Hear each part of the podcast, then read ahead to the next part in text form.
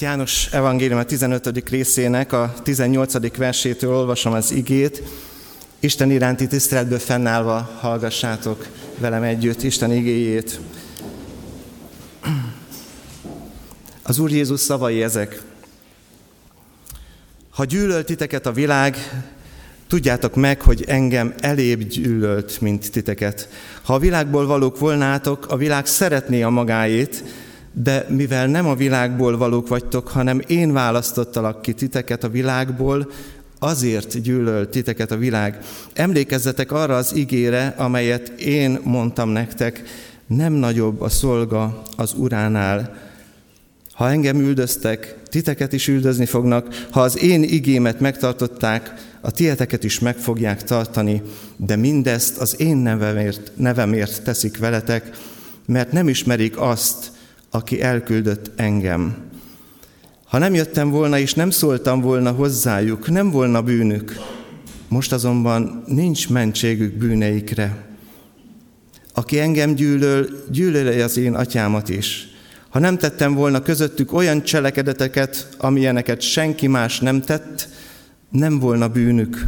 Most azonban látták azokat, és mégis meggyűlöltek engem, és az én atyámat is, de be kell teljesednie annak az igének, amely megvan írva az ő törvényükben, ok nélkül gyűlölnek engem. Amikor eljön a pártfogó, akit én küldök nektek az atyától, az igazság lelke, aki az atyától származik, azt tesz majd bizonyságot én rólam, de ti is bizonyságot tesztek, mert kezdettől fogva velem vagytok. Úr Jézus, olyan egyszerű szavak, olyan egyszerű példák, és mégis olyan nehezen értjük meg. Arra kérlek, hogy a te szellemed által jöjj most közénk, lép ki az igéből, szólíts meg bennünket. Én nem tudom, milyen háttérből jövünk, Uram, milyen, milyen gondok, milyen örömök, milyen nehézségek, milyen sikerek vannak mögöttünk ezen a héten. De arra kérlek, Uram, hogy mindannyiunkkal beszélj, szólíts meg, hogy a következő hét te szerinted való legyen. Köszönöm, hogy erre számíthatunk, meg megígérted. És köszönöm, hogy azt mondtad, hogy ahol ketten vagy hárman együtt vannak a te nevedben, ott leszel közöttünk. Erre számítunk, Úr Jézus, és kérünk, hogy így áld meg a délelőttet számunkra. Amen. Foglaljatok helyet.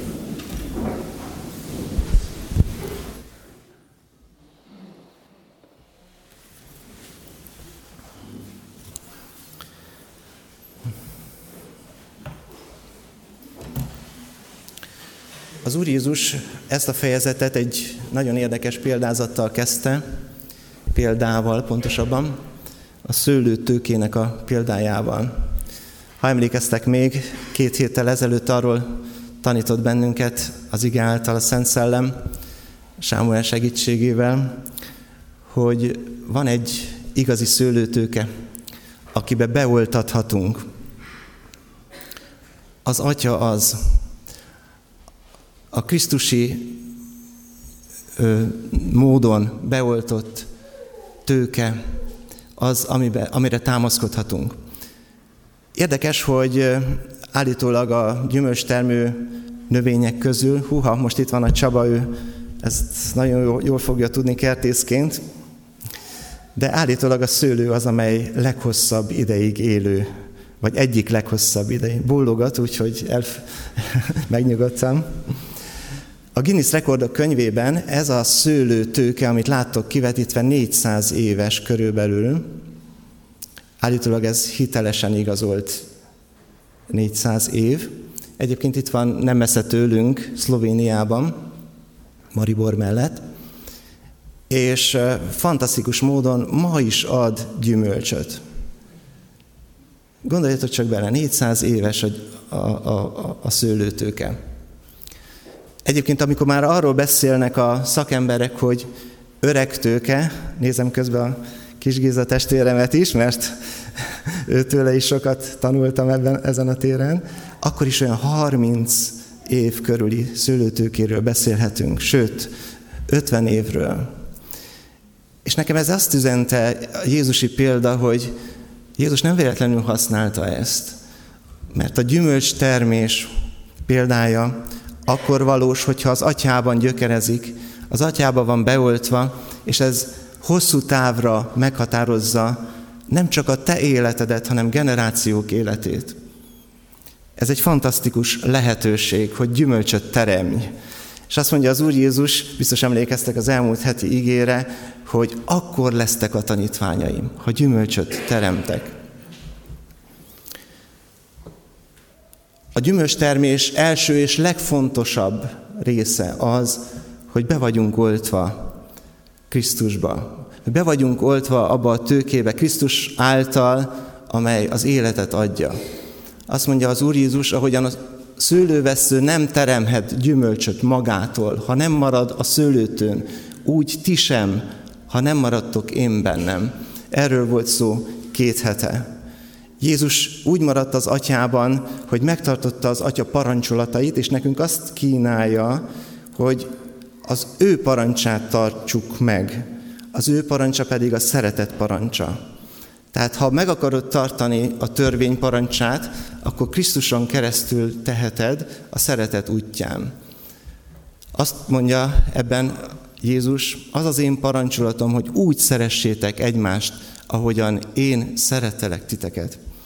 Vagyis fontos az atyába való beoltottság, de a szőlővesszők egymásra való hatása is nagyon fontos kritérium a gyümölcs termésben. Mert a termőágok kölcsönhatásra vannak egymással.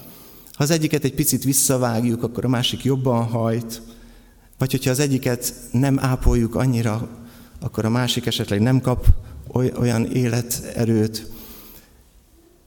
Tehát a, sző, a gyümölcs termésnek két előzménye az atyával való kapcsolatunk, és a Krisztussal való kapcsolatunk, és a Krisztussal való kapcsolatunkban az egymással való közösségünk.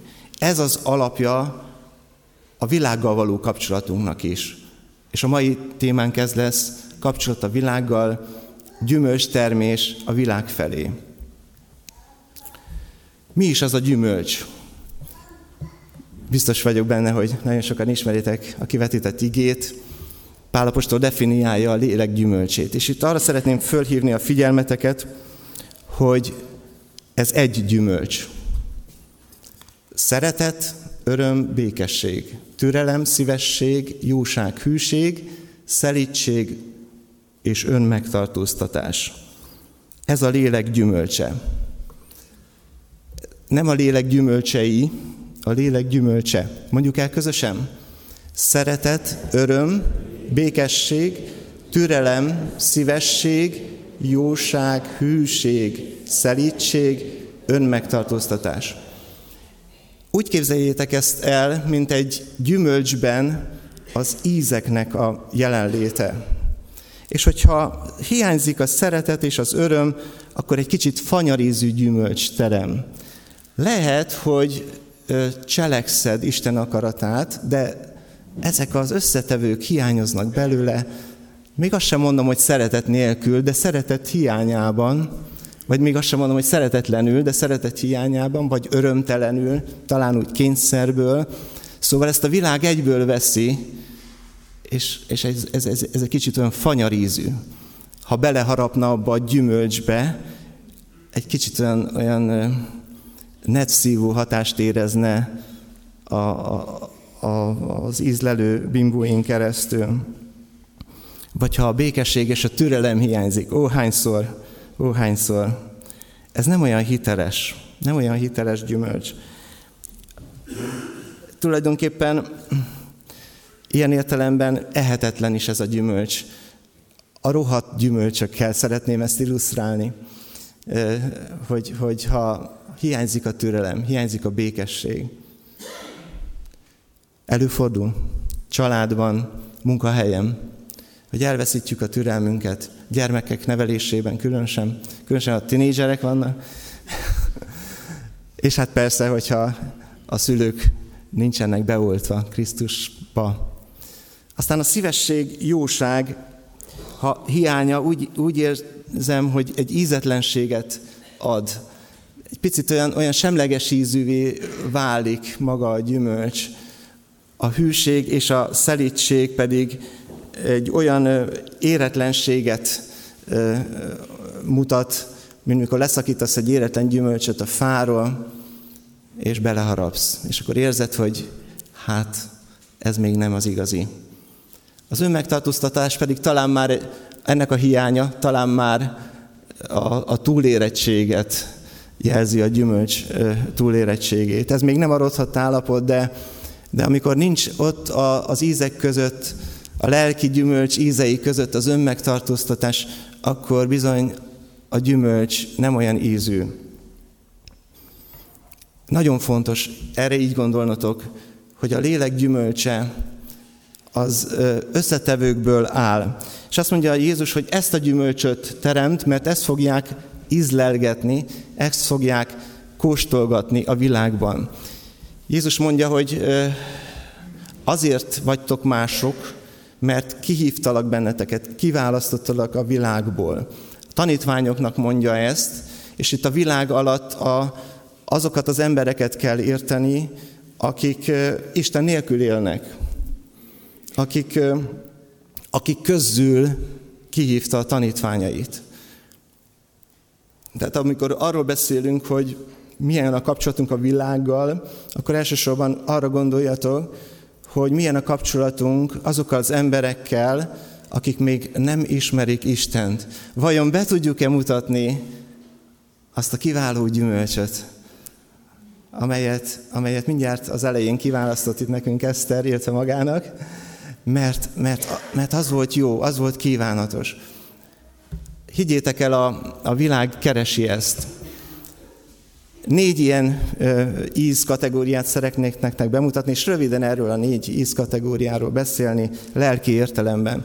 Az első, hogy ha, ha zamatos ez a gyümölcs, akkor bizony jó hatással vagy a körülötted élő emberekre, arra a világra, amely mikroklímát okoz körülötted, akár a családod, a tágabb családod, akik felé szeretnéd bemutatni Isten kegyelmét, szeretetét, jóságát, hűségét, de akár a munkatársaid, akár a szomszédaid. Van olyan, hogy ez a gyümölcs megrohad, emlékeztek, nem, jelen, nem nagyon jelenkeztetek érte, amikor ilyen gyümölcsöt, sőt, ilyen hújogás is elhangzott, amikor felmutattuk ezt a gyümölcsöt. És előfordul, amikor a netkeringés megszakad, és egy félig ért gyümölcs megrohad a fán, vagy, vagy ha nem is a fán, amikor idő előtt leszedjük, és, és, és esetleg valamilyen módon. Ez az az eset, amikor a világ van hatással ránk, amikor nem mi vagyunk jó hatással a világra, hanem a világ hat ránk, és bizony rohadt gyümölcsöt termünk.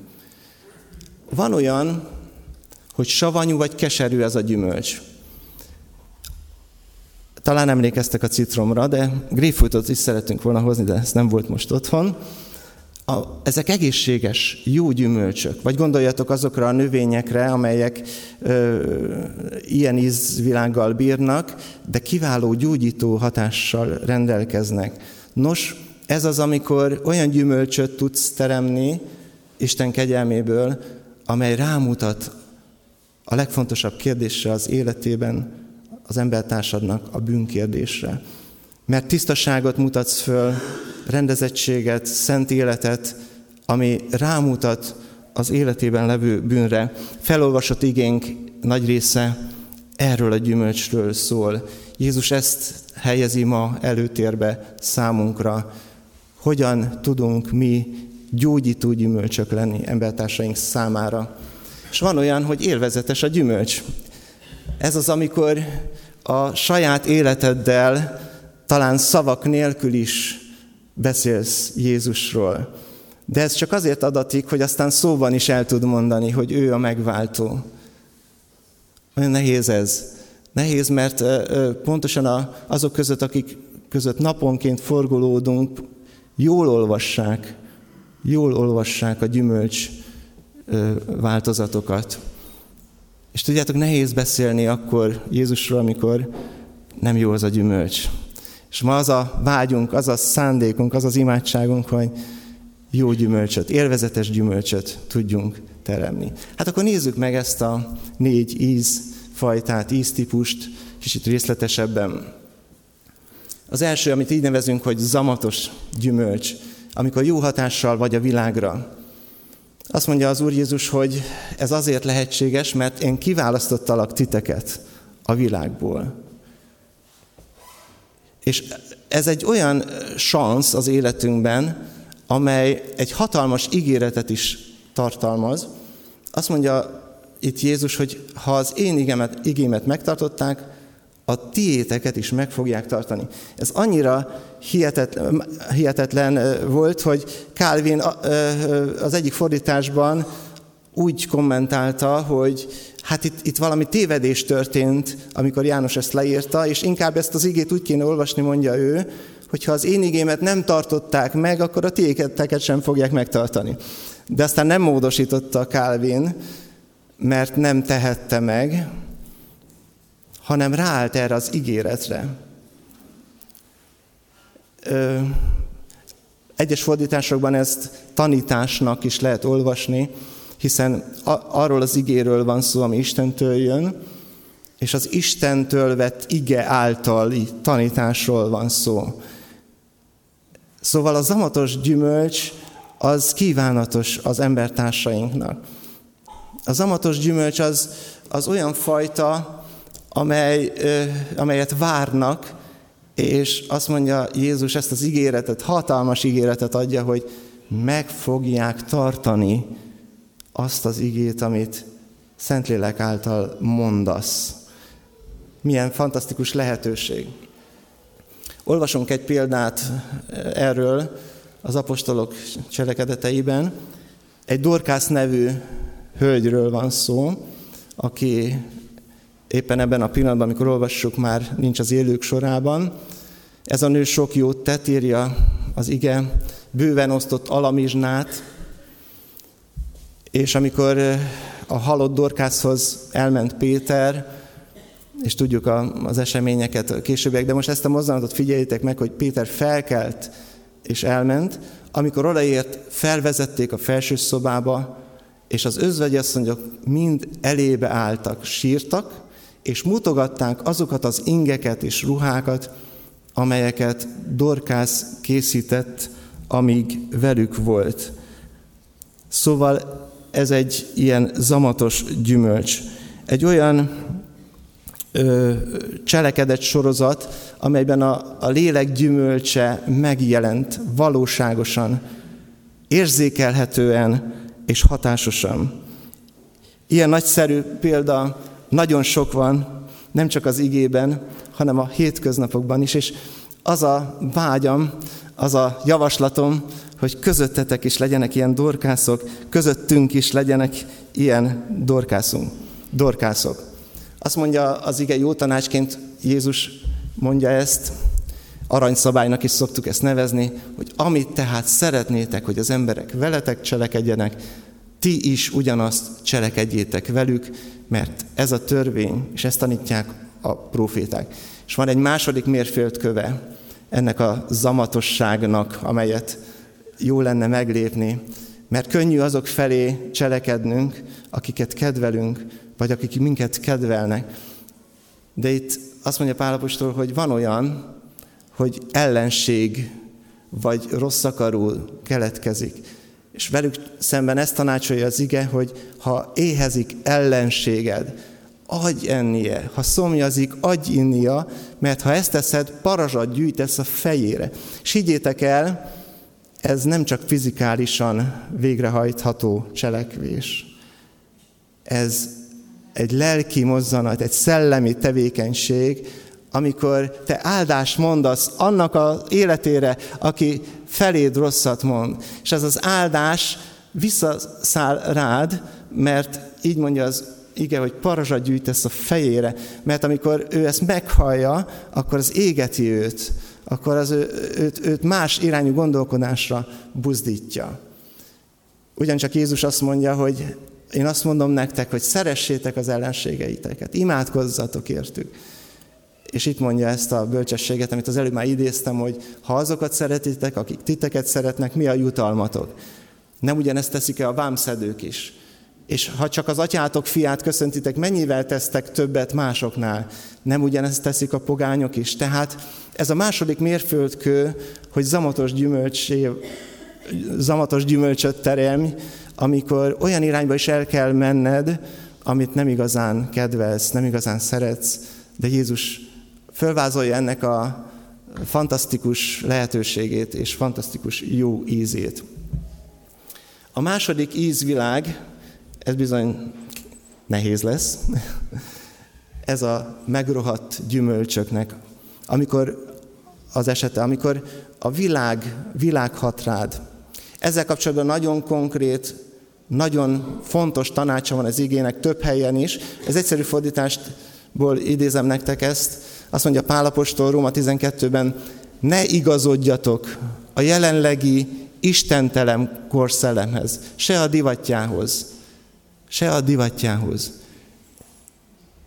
Ellenkezőleg újítsátok meg az egész gondolkodásotokat, és ezáltal gyökeresen változzatok meg. Akkor lesztek majd képesek megérteni, mi az, amit Isten akar, ami jó, ami neki tetszik, és ami tökéletes. Ezekre igyekezzetek. Tudjátok, olyan kényelmes igazodni a világhoz. Amikor a munkatársak szídják a ott nem levő harmadik, negyedik szemét, akkor olyan könnyen lehet csatlakozni. Vagy bármilyen más szituációban nagyon könnyen igazodni tudunk mi a korszellemhez. Nagyon könnyen elsodródunk, és ez, ez bizony egy nagyon nehéz, rothadó állapot lehet az életünkben.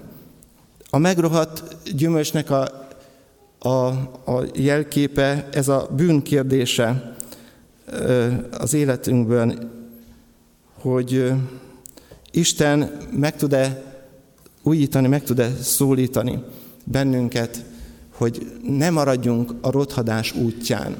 Egy nagyon nehéz példát hozok most elétek. Egy királyról, aki gonosz úton járt, sajnos sokat lehet olvasni Izrael királyai között, ilyet, és a gonoszságát még azzal is tetőzte, hogy olyan nőt vett feleségül, a Jézabelt, aki nagyon befolyásolta őt és, és az egész népet az istentelen úton. Ma talán a házasság hetének az utolsó napján lehet erről szólni, hogy bizony fontos az, hogy a házasságban milyen példát tudunk mi adni a világnak. Kedves fiatalok, először szeretnék felétek szólni, és azt javasolni, hogy Istenre figyeljetek, maradjatok meg a szőlő tőkébe beoltva, hogy azokat az érzéseket, amelyek jönnek a szívetekbe, az életetekbe, azokat szűrjétek át Isten igényen keresztül. És olyan sok példát lehet ebben látni, hogy a, a pillanatnyi érzés, vagy a, vagy a lehetőség az, az elsodor, elvisz. De ha Krisztusba vagy beoltva, hogyha az ő útját keresed, akkor figyelj Isten intelmére. És figyelj arra, hogy csak akkor kezdj el egy kapcsolatot, amikor Isten azt mondja, lehet. Csak akkor indíts el egy barátkozást, amikor Isten szent szelleme zöld utat ad ebben. Nincs is másként értelme, mert ha nem Istentől van, akkor úgyis abba marad. Ha Istentől van, akkor pedig érdemes elkezdeni és folytatni. És ti, akik házasságban éltek és élünk velem együtt, nekünk pedig arra jó figyelni itt az ige kapcsán, hogy ha tudjunk mi olyan ö, példát bemutatni, amely jó gyümölcs a környezetünkben. Ha Krisztusba vagy beoltva, ha, ha ez a házasságod alapja, ha hármas kötélben élsz, ahogy az ige tanácsolja, férj, feleség, Isten közösségében, akkor hiszem, hogy ez egy olyan védelem, amely mindig visszavisz Isten szeretetéhez, mindig visszavisz a gyökerekhez, a megbocsátáshoz, és ahhoz a szeretethez, amelyet Isten kínál neked. A vállás rothat gyümölcs. A világ pontosan tudja ezt, és tudja, hogyha a te kapcsolatodat rosszul választod meg, vagy rosszul kezeled, az Isten szerint nem ehető, és a világ szerint nem ehető. És olyan nagyon fontos erre figyelnünk ezekben az időkben, amikor ma ez kihívás az emberek, a fiatalok és a házasságban élők felé. Nincs időnk tovább időzni ennél a témánál. Szeretnék tovább menni a következő gyümölcsre. Ez a gyógyító gyümölcs. Nagyon érdekes a gyógyítás folyamata, amit itt Jézus mutat be nekünk.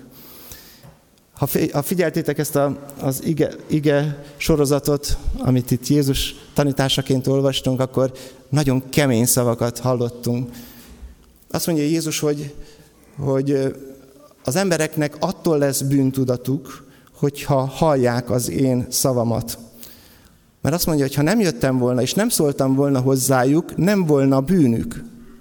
Most azonban nincs mentségük bűneikre.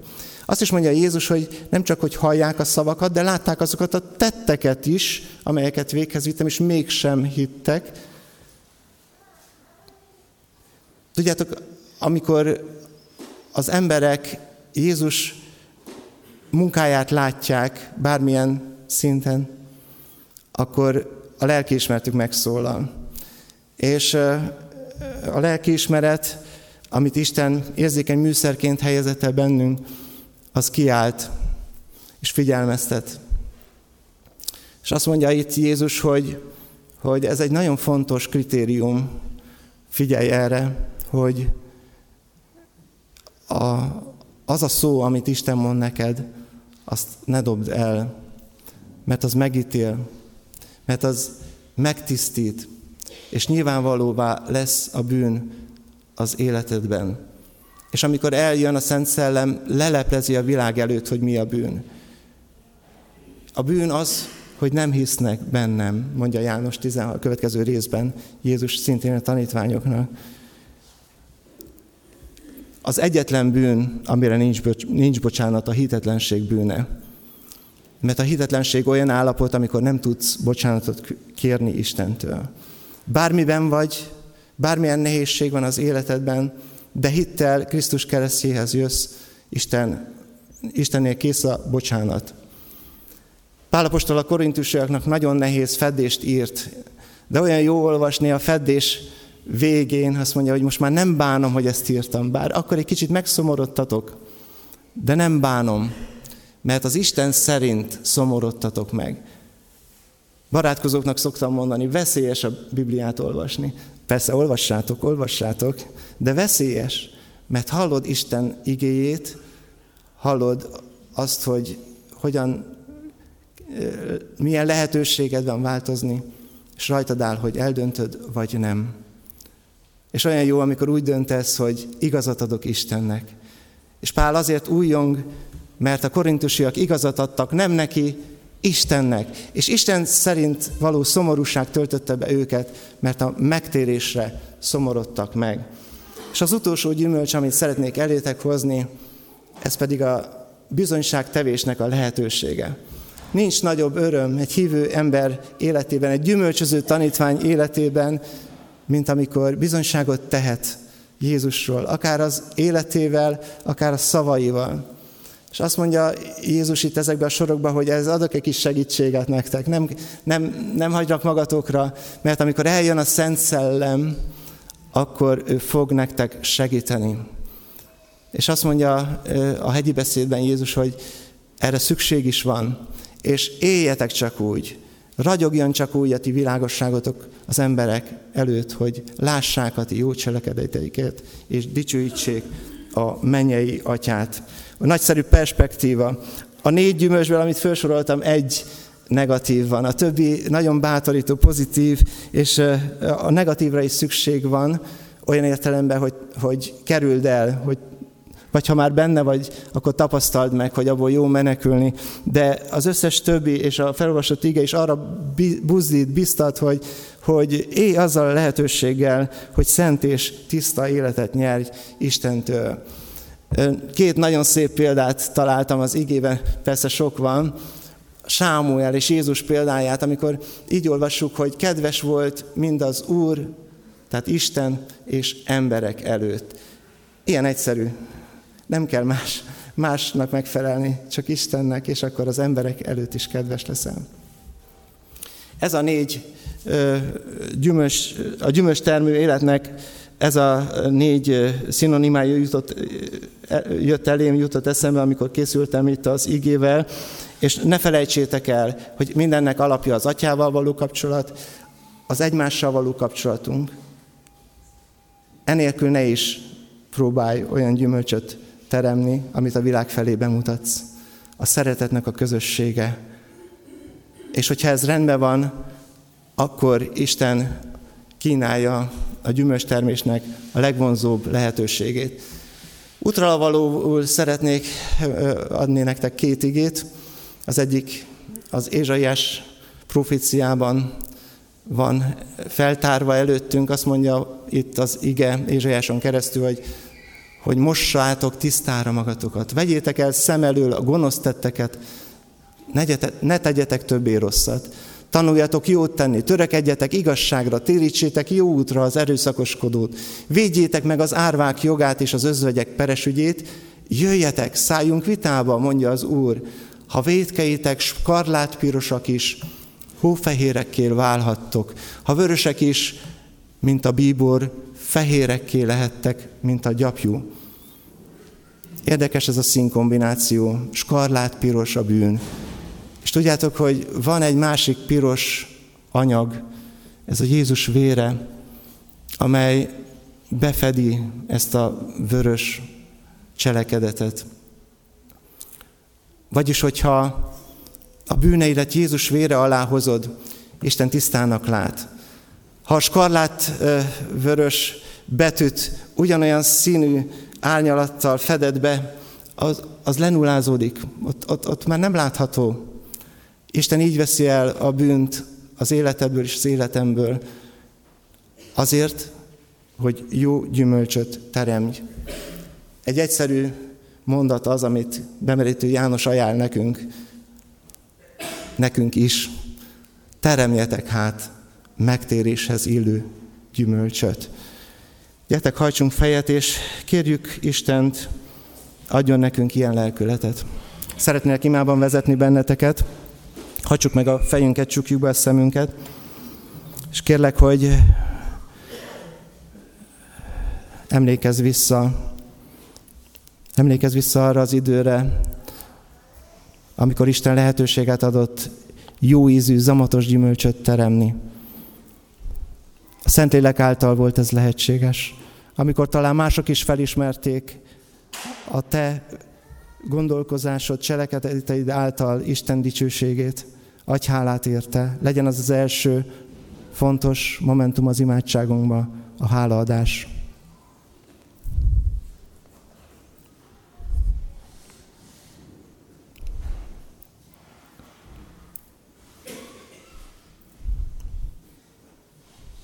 Emlékezz arra, amikor a világ benyomult az életedbe, amikor nem te voltál hatással a világra, hanem a világ volt hatással rád. Mély bűnbánatba, összetöretésbe gyere most Isten elé.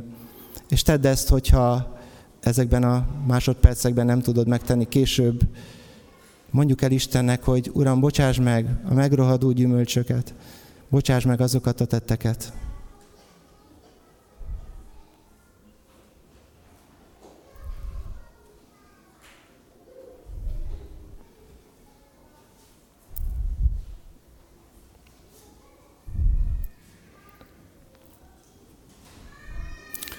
Talán volt olyan is, amikor eszköz lehettél Isten kezébe, amikor olyan gyümölcs termett a lábad nyomán, amely másoknak gyógyulás volt.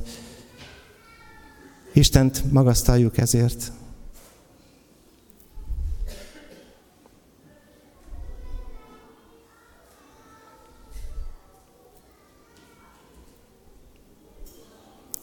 És kérjük őt a bizonyságtevő életre, kérjük őt, hogy ragyogtassa fel Istennek a kedves esztendejét, Isten kegyelmének a bőségét, hogy akik látják az életünket, dicsőítsék a mennyei atyánkat. Úr Jézus, magasztalunk téged szeretetedért, kegyelmedért. Köszönjük az áldásokat, köszönjük, hogy az életünkben a gyümölcs szent lelked által lehet ott. Magasztalunk, hogy nem hagytál ebben magunkra, hogy adtál segítőt, adtál olyan eszközt, eszköztárat, amely által élhetünk, és adtál élő szent szellemedből megoldást, megújulást. És kérjük is, Uram, hogy a jövő héten is légy ott velünk, és cselekedj az életünkbe. Amen.